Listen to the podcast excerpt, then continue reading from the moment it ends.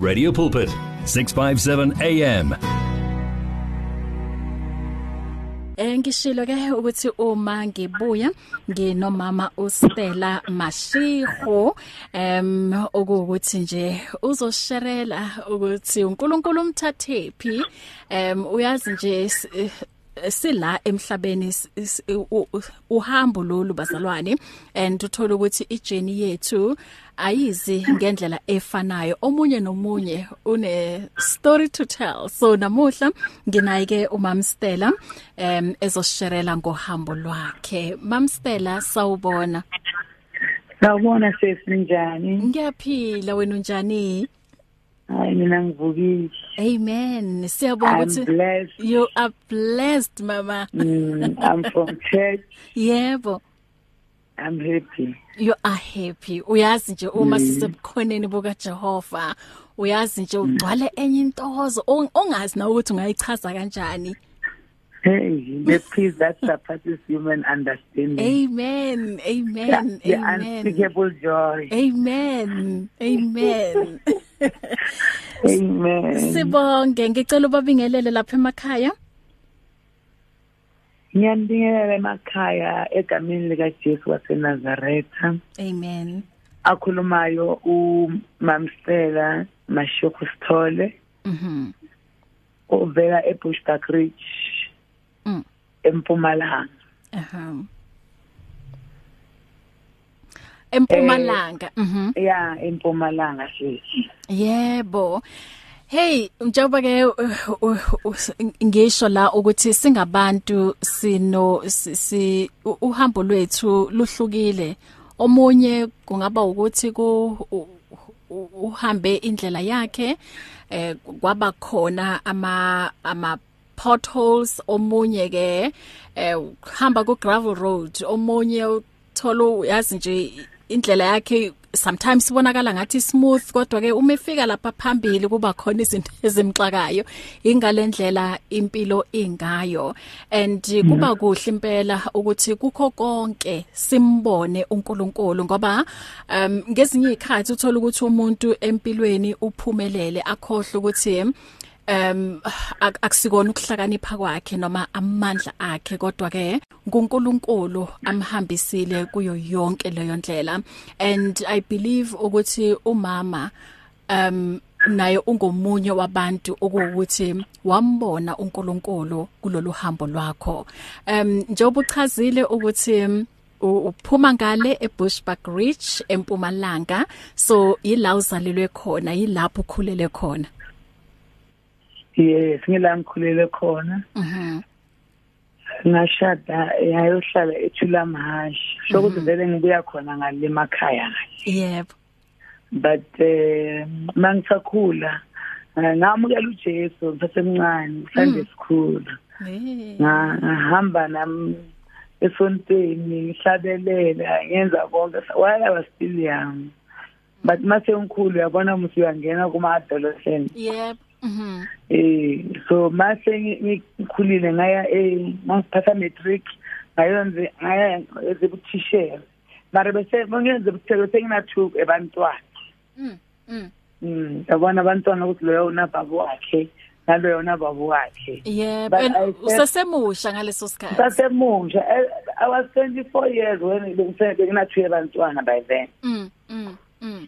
Mm. I thank God because you know when you receive Christ asemncane lembewu ayifi yebo yeah ihamba ihamba ihamba ivuseleleke endleleni ayifi mm eh from there into to teaching ngabuya mase ngibuyile angasebenzi isikhathi esiningi i have to work maybe for 3 years ngagula ngaba ne throat yona le bathi goiter mm. Angigula se ngaba se udoctor makakhipha lento wangigamage wadamage i-voice box. I have to stay for a whole year ngasasebenzi ngihlele ekhaya. But because i had this thing christ in me i i prayed always i fasted. And after a year i started to talk again. But at the end i could realize that uh, my God's purpose is not for me ukuthi ngiyoba ithishere Mm. angithi izindlela ziningi zokuthi uNkulunkulu akukhiphe kulento leyo mawuhlala kuye Mm. so my story ukuthi mase ngibuyele esikolweni after um, sengikhuluma mara ivoice ngakhulume kahle Mm. uNkulunkulu athembekile uma ngisahleli ngathola ibhazari bathi ngiye esikoleni e-university ngabuyela e-university ibhazari free of charge eh babhadalana abantwana bami banginika nesalary. Mase ngibuya ngibuya esikolweni in- impilo yaqala ukutshintsha. Um according to me eh na according to my family bekungeke kuvele ento efana nale nkulunkulu ayiyenzile empilweni yami if angimazanga unkulunkulu Mm. because my family it was a family la bebanganalutho bangangisiza ngalo Mm. mara ngiyababonga ngoba bangilethe emhlabeni bangikhomba indlela Um, here am i today Mm. So when I came back from the university, uh, I came back in 2004. I just worked for one year. Going back to school, uh, when I was at school, I have to inquire ukuthi angithi ngiyaboreka education se is too high Mm, and I mm, mean ngifundisa e primary. So I started to be bored. So I have to ask uh, ukuthi na when uh, ngifuna kuvisa kule bazari yami ibambekile na bazo ibazari yakho it was a free bazari you don't need to work for those years to cover the money Mm. from there i resigned as a teacher and ngiresigna so angithembanga lutho. Hlala ku-four room nginabantwana abayi-four nyalo. Mm. Ah, lo myeni wami akasebenzi. Mm. I was the one that was bringing uh, I was the, the whathini Breadwinner. i breadwinner. Mm. uyayibona? And so ime ngifanele ngibona ukuthi kuyadliwa. Ime ngifanele se- angisakhoni and angisafuni ukuya emsebenzini ngiyabhoreka. So i have to resign. I never resigned because i had something on my business or something but i resigned because it was time up Mm. Yes, it was time up because even if they ask me why are you resigning, eh, bantwana, eh, my my my last born was six years. So have to come back. ngaleso sikhathi u- u- u- une plan yokuthi une plan B. Angina plan nje Mm. ngithembele kuNkulunkulu. Wow. So ngithembele ukuthi ngine degree nginama degree ayi3 nyalo Mhm. and eh, so ngithi ngizobona phambili. Mara mase ngibuya eGoli I had eh, eh, eh, bengitshela ukuthi muthi sengiyazi bengenza i-computer science Ngithi, Mm. I will go all out and train people how to do it I'm a teacher Mm. I become so motivated but manje ngiyaphuma ngiyabona ukuthi hey labantu lento yama-computer mayisengikabi that much uyayibona Yes. ngo-2006 Mm. so ngithi hayi I'm a teacher man ngizohamba ngibafundise i-abet Mm. sengasuka elinye ilanga ngayekela kwesikolweni ngisasebenza ngangena emaplasini abo Hazelview ngihamba ngibabuza ukuthi mina I can train people how to read how to write. Abantu bena bakhona ukubhala mabaya emishinini bato baropa. Uyabona nje that motivation that thing. Mm, but mm. at the end of the day while I was still doing that another white guy kwamtshela ukuthi ngizotraina abantu bakhe. Ngabakutraina ukubhala nokufundisa bathi abet. Eha. yes ngangena ku-abet. Ngathi no i cannot but esikoleni angihlayi Mm. so that's where my journey started Mm. uh, Mm. in 2006 when i resigned immediately i penned a sig- resignation signature Mm. I got the project from Department of Education. Wow. That is because we are doing ABET. Mm. Come and train our people in the department. Mm. Yes, that's where it started.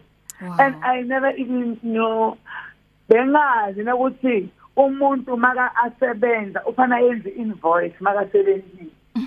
Bengathi ukuthi eh imali mayifika ngifanele ngenze njani. Mm.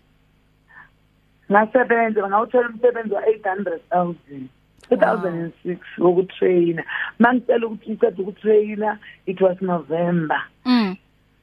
kwaba ne-conference yakapastor chris bazela empumalanga Mm. I have to go there ngayoseva ngoba ngaba icounselor Mm. ngayenza konke khona lapha ngiparticipate vele kule conference yabo Mm. so lesikhathi banikela mina i don't even have a cent yokunikela i had a phone yeba le phone bengibolekile i have to take that phone ngakhipha isata pack if i cannot allow myself not to give Mm. babanika bathi. Mina ngagijima na phone ngafika ngayibeka Wow. ngajika ngibambe isata pack manje angazi ngiyo- ngiyoyithola kule enye ifone yokufaka isata pack Yeah. wabona that weekend that weekend that i gave the phone Mm. on monday angazi lokwenzakalani aphela sengisebenzise ukudala ngisebenzile ngefamily Yeah. monday so basebhenki lo munye usesebenze ebhenki ukuthi ngibone ngathi kunemali yakho Wow. manje yale ngithola ukuthi una-eight hundred angizange ngize ngibambe na-ten thousand empilweni yami Sure. ngobana sokungene eight hundred thousand Amazing. Mm. And then, I, what I can encourage people, sometimes emabandleni when you don't have anything, you are not being recognized. Mm. Mm. That's what Mm. I learned. Mm. In, Mm. in the assemblies of God. Mababa plan, noma une une you have a gift. Mm. They don't blame you. Because maybe unike ma ma motivation kubafazi or uyenze something. Yeah. Babheka ukuthi unani. Unani? Mm. yes abheka Mm. ukuthi unani Ba- if unganalutho esontweni uyohlala uhlekile but we know god is good he's not a respecter of any person Amen. Yes. i love this man but i have the plan for you Mm. and my plan is not to destroy Ah. you to build you Mm. Mm. abona bangithola le mali says Mm. ngathatha 70000 kuleyo mali Wow. ngayonikela itithe esontweni Sure. isonto lethu belinganama-tiles and it was a big church i have to go to buy the tiles for the whole church Mm. from there after the filming i think i spent 300000 to do those things by then Your first fruit. my first fruit from Wow. there it, it was like i put an injection Mm. the company that gave me the first project ngathola ama-project every day you know every day I was getting appointments i fear this god when you are faithful to him and wh- when you are obedient to him Amen. he will surprise you Mm. he will definitely surprise you lapha ku-isaiah 1 verse 19 lithi izwi lankulunkulu if you are obedient Yeah. to my way you will enjoy the best of the land Amen. Yes, you Mm. enjoy the best of the land. You know, from that time it started, I have to move to La Masi, coming to White River. White River, I have to buy houses. I have to start open. I have to drive whatever I wanted to drive Mm. with my fruit, my, with my first fruit First that I fruit. gave. With being obedient to the word of God. Mm. They started to respect me because now I have something. But my happiness was not about this other thing. Yeah. My happiness was that I have built the house of the Lord. I put did something in the house of the Lord. I have planted my seed in the house of the Lord. And my seed will always speak. Mm. Hey, it will, and it's always speaking. So, sengithukile manje sengangena kawo Pastor Chris eGoli. Angisangeni nje. Sengithuthile. Mm. Angisazi kuningi ukuthi Pastor Chris wezegoli. Mm. Bantu bathi hey Pastor Chris, Pastor Chris lomunye umfundisi bathi uyaphilisa izandla. Ngobona what I did I had my my my my aunt bekagula uyabona. Mm. Mm. so ngathi my aunt ngimthwala yi-one nga-organize ibhashi bantu basebush bokulingana antwani Mm. ngabajikelisa bonke ngasegauteng hambani yopola Mm. Eh ngafuna labo sesingikhonza nawo khona le baba baba organize bathwala labo gogo mababuya the same week or after two weeks ngaba senkulunkulu umblessa nga Range Rover. Oh my. ibhasi kuya egoli mayibuya seyibuya ngemoto. Kahle kahle. You cannot get anything without putting something down. Mm, You can't. mm, you need to plant a seed, and that seed will speak for you. Amen. Yeah, it will And speak for you. and are- when you read the word of God, there is another man by the name of Cornelius Mm. in the word of God. Mm. Cornelius gave until God remembered him. And Cornelius was not a child of God. He was just a man, but he knew the principles of God. Mm. He gave. uNkulunkulu wathi Cornelius, eh, eh, you are giving now ize ibe iperfume empilweni yami. Yebo. Kwaba uNkulunkulu umthumela umuntu uthi mahambe aye kuCornelius ayabathandazene ifamily yakhe abasindise because akafuni ukuthi balahleke with such a gift that he has given. And uCornelius nefamily yakhe basindiswa. Amen. Yes. Wow. So from there, uh, I started giving, started uh, supporting ministry. There are a lot of churches that I have helped. There are a lot of churches in Bushbuckridge. I had a church, a young couple, banesonto labo li-right mara bahlale bangena emkhukhwini ngabayakhela a three seat 300 seater Mm. ngabayakhela ba- ngathi khonzani Amen. I don't know how many churches did I have those pastors Mm. uh, I don't know. But from there, I could realize that if that now is the time that I must uh, think about this thing. Mm. Uh, what must I do? So there was a where I am, where the ministry is now. Eh lo la kule village leyo ngathela umsebenzi efive. But mind you I didn't tell you that from training ngayele training 2007 8 uNkulunkulu wangibuza ongibuza ngeconstruction company. Mm. icompany yami you can check it uh ku website bathi Nsangalala Holdings Mm. iku grade 8 ku construction Wow.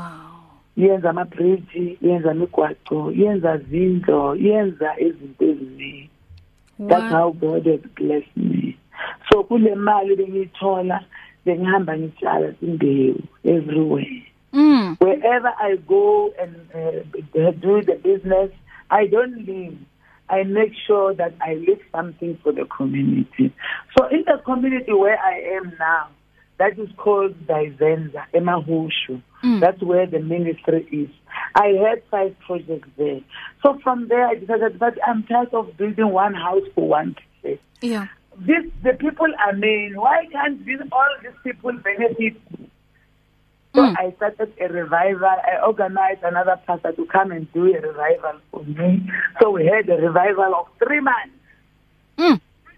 So Abantu basindiswa. babantu basindisa masiye esontweni bese sina 900 ebantu laba banganamasonto at all laba zanga baze bamukela uJesu Mm, angishelabe mm, bavakashwa mm. Laba ngakamamukela uJesu. Bamamukele uJesu lapha. From there i have to get a place for them. I have to buy another church. Bayithengisa i started the ministry. The name of the ministry is God's word at work. Meaning that giving yourself a practical meaning.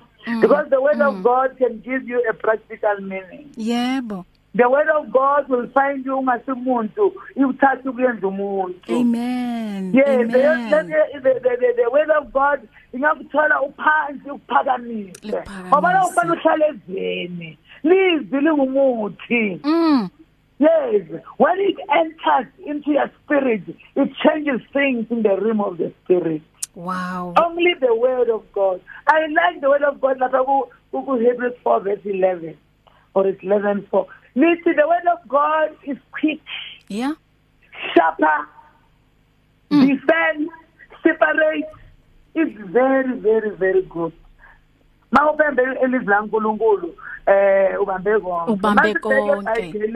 Mm. Sibheka bo bo Daniel lapha ku Mm. Daniel 3 verse 28 bo bo- bo Shadrach Meshach nabo Abednego nabo Daniel uNkulunkulu wabahambela ku Daniel 3 verse 28 sibona amadoda ayi3 uShadrach Meshach and Abednego. The word of God basemlilweni layenza ukuthi bangashi. Mm. prayer and the word of God. What I can say to everybody, uh, uh, uh, this manual, the Bible, Mm. yidle ngasudla ipapa yeah. Yes kuthi uma izinto zifika you go you confront God with his way. Mm. Because the bible says ku Isaiah Isaiah 55 listen my word cannot come down and doesn't bring anything. True. When it comes it brings something. Mm. So there's no way you can meditate on the word of God and it doesn't get answered yeah? Mm. Yes. Mm. Our responsibility is just to live the way and Amen. take the way. Amen. Amen. Yes. And Amen. you'll get answers. Ah, what a journey eh Mam Stella um Mashego um uyazi into okhulume ngayo la ebalulekile ukhulume ngeobedience Amen. Izwi liyasho mama ukuthi um, blessed is the hand that gives, That gives. than the one that receives uyazi ulithathile lelizwi and then waba obedient kulona namuhla ungumama um o, o successful kuma business you are the minister of izwi likaNkuluNkulu So let, let me tell you a Yes. story. Mhm. That is the story of my life. mm You know, when you grow uh, uh, uh, financially or business-wise, the devil is always fighting you. Yeah, the devil is always wanting to bring you down. mm. You know, in 2018, ngabona kungena abantu basesar mm. Bangena bathi bafuna ukuchecka bachecka bagcina bathi mina ngi-over 500 million. Sure. Uyabona 500 million? Mm. Mina ngibonile abantu beba-owabo 10 million bashonile. Mm. Ngibonile abantu ba-owabo 20 million bathi bulala I'm a testimony. I, five days I'm owing 500 million. People can look at me, I'm smart. wow I'm not intimidated by the things that anybody can write down.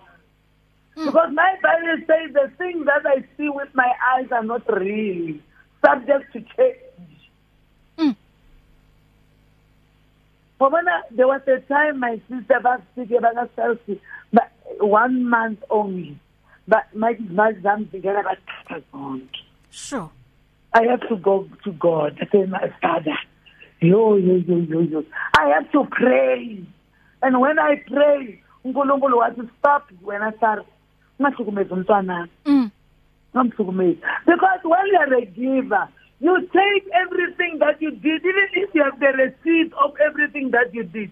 When I was calculating my things, my money that I gave to the people who came to 16 million. sure I took all the receipts. I went to my father. I said, My God, this I was doing for the sake of the gospel. mm How can I be attacked like this? How can I be destroyed? mm As I know that you will fight for me. Lapha ku- I- Isaiah 41. What I will fight for you and I will help you. Amen. Myself, I will help you. I stick to the word. I live. I, I, then killing faith. mm If I can tell you today, I have never lost even anything. None of my hair has been destroyed. What a, what an amazing God still we moving. serve. My Mm. business is still operational. Lokho ukuthi ngiya-owa eceleni bona bangibizile bathi ngihlele three months ngi- ngingeke complain bangibize bathi come and take your complaint so that you can work Mm. yes i'm working i'm not stressed ngiyadla So- ngiyaphila ngiyadriver So eh, leyo mali okuthiwa bo uyayikweleta kwaphela batanayo bona but i'm going to phone you one day and tell you Yeah. with my god that i serve Yes. he has done it all Ah. the god that i serve Amen. Yes Mm. Ngicela uku- ngicela sithathe. Amen. Ngicela sithathe ikhefu ma siyabuya emveni kwalokho. Ngisase nawe until 4 o'clock. Ulapha ekhaya eh mhlambe kukhona othanda ukukhuluma nomama lana o thanda ukumbuza eh okuthizeni ungakhuleka ungathumela iWhatsApp uh, ivoice note noma type uthumele ku 0826572729 iline yethu la angiqondi kahle bazalwane. Le enye eh engakwazi ukwamukela ama calls kuyona ngathi nenkinga kodwa ke ngicela uyisame 0123341322 uma ke ingakwazi ukungena ungathumela iWhatsApp voice note um, ku 0826572729 ngiyabuya emveni kwalokhu eh, ungaxoxa naye ke umama Stella Mashego Give your faith wings. Explore life with 657 AM. 657 AM. This is a public service announcement out of concern for your safety. And we at Radio Pulpit would like to remind you to follow the safety guidelines as indicated by the South African National Institute of Communicable Diseases and the Department of Health to keep COVID-19 under control in our communities.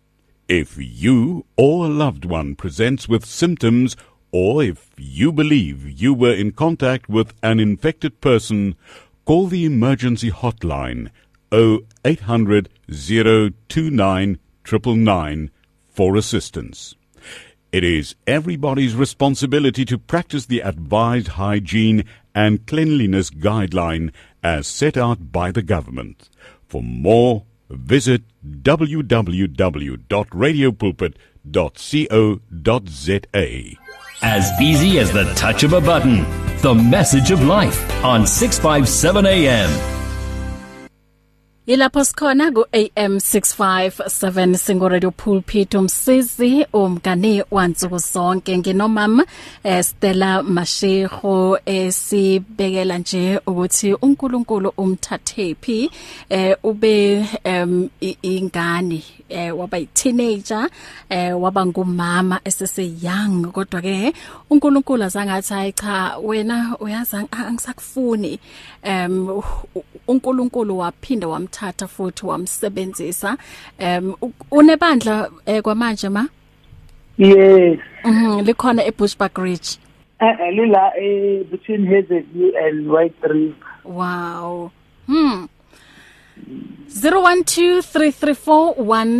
0123341322 eh ungayizama ke leyo number and uma ingangeni ungathumela iWhatsApp ku 0826572729 noma ke u type uthumele kuyona leyo number 0826572729 nombuzo noma ke kukhona uthanda ukuxoxa eh noma Mstela Mashego. Uyazi uNkulunkulu esimkhonzayo.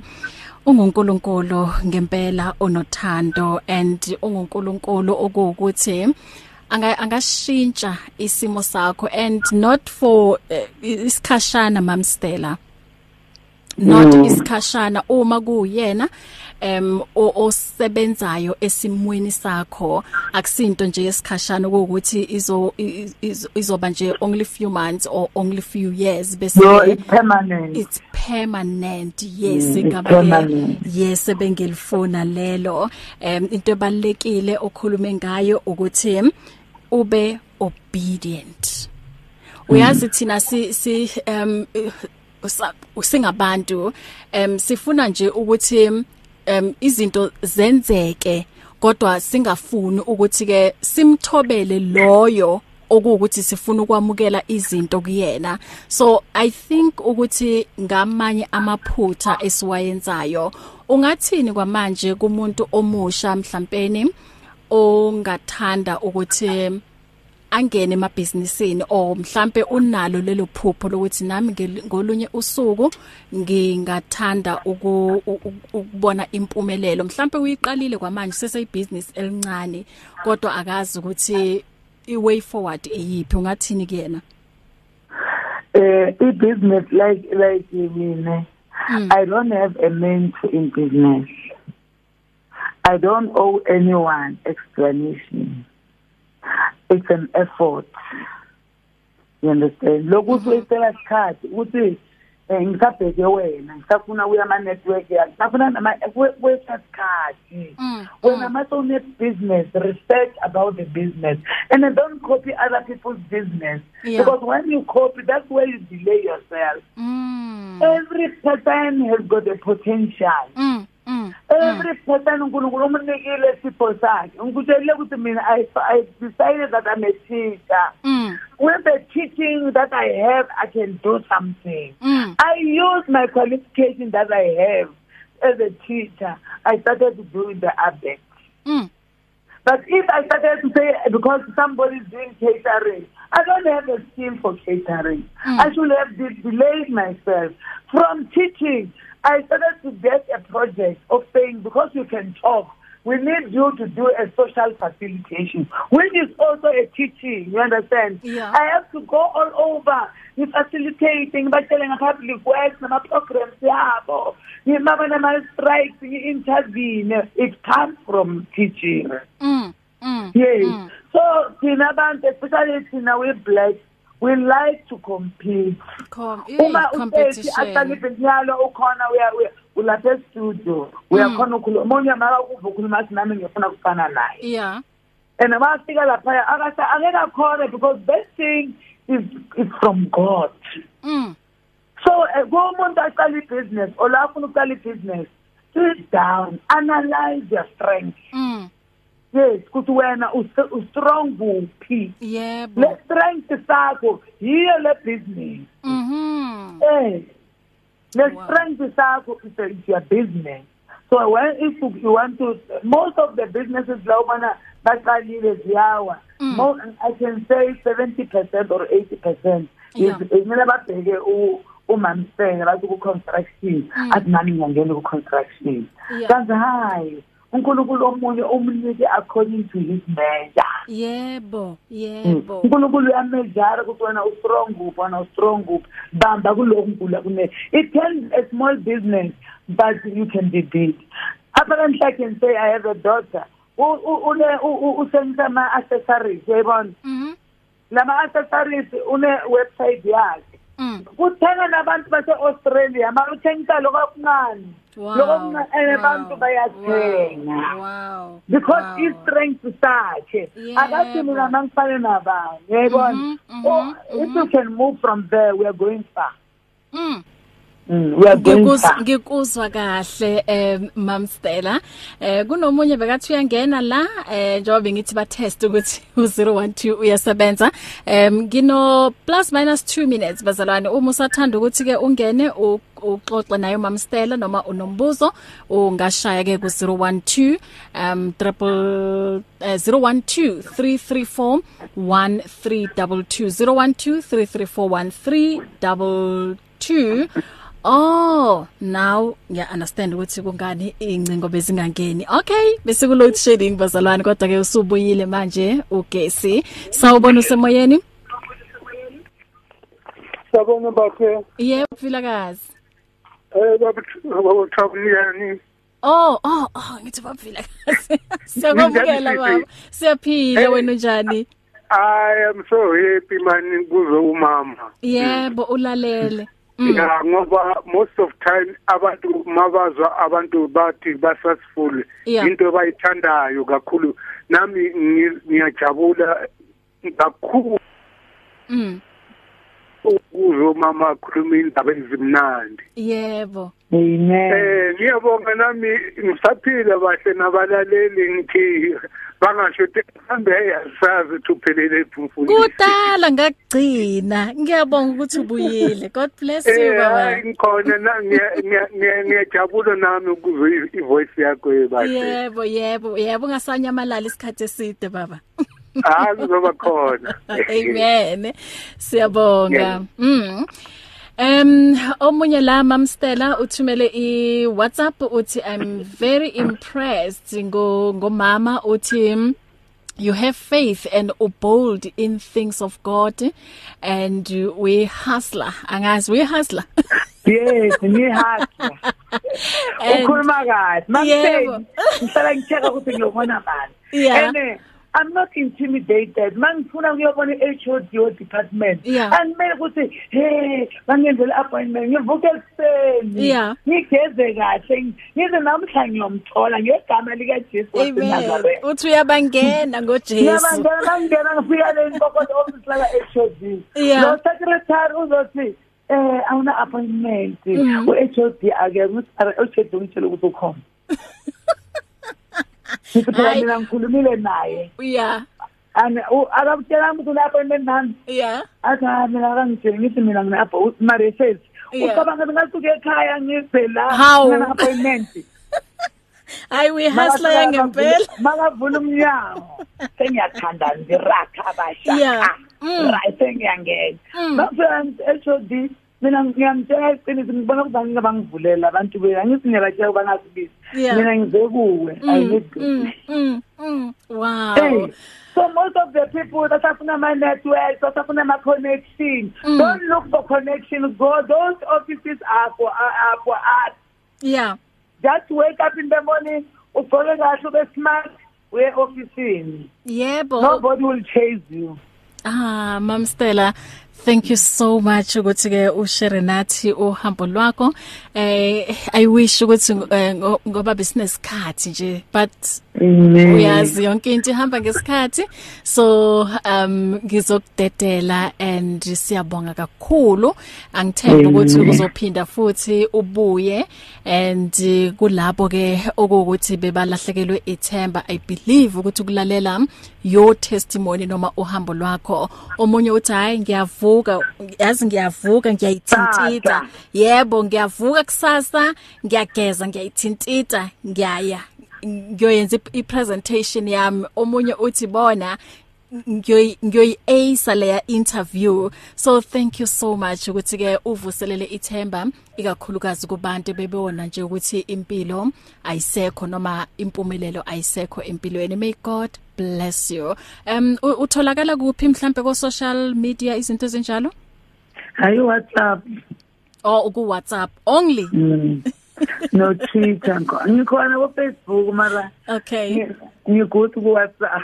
Okay, umama Stella utholakala kuphi? Mhlawumbe kunomunye uthi ashiyaze ngidinge advice though wena ushilo ukuthi eh, awu bewunganayo imento mhlawumbe omunye uthi ayi mina ngiyathanda ukuthi umama Stella be imento yami. No no kunala no, ungabanika inamba yami. I'm flexible, I'm a Yeah. child of God. yeah. I cannot uh, ngiyafuna ukusiza abantu. But that's Aha. my passion. Ukuthi bantu nabaphumelele baphume emaboxini Amen. bafuna umama Stella bangakuthola ku WhatsApp ku 082 6226306 yes inamba e- ekuyiyona leyo yes Okay.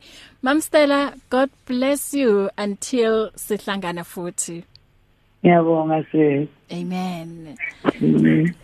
Asimphelezele ke umam Stella uh, la nge um, Sikhosana family bethi vumani ngeharibani. It's difficult to face the overwhelming pressures of life alone. Sometimes we just need someone to talk to, someone to listen to us. And what better way to do that than through a quick and easy WhatsApp text? Whether you're having a hard time coping with school, family issues, being bullied, depression, or anxiety, speak to someone who cares today. Send a WhatsApp message to 064 530 6805 or 074 995 9085. Our I Am Youth Counseling team, Charles Dudoy and Danny Vambili, are ready to connect with you today. Hear the word and renew your life on 657 AM.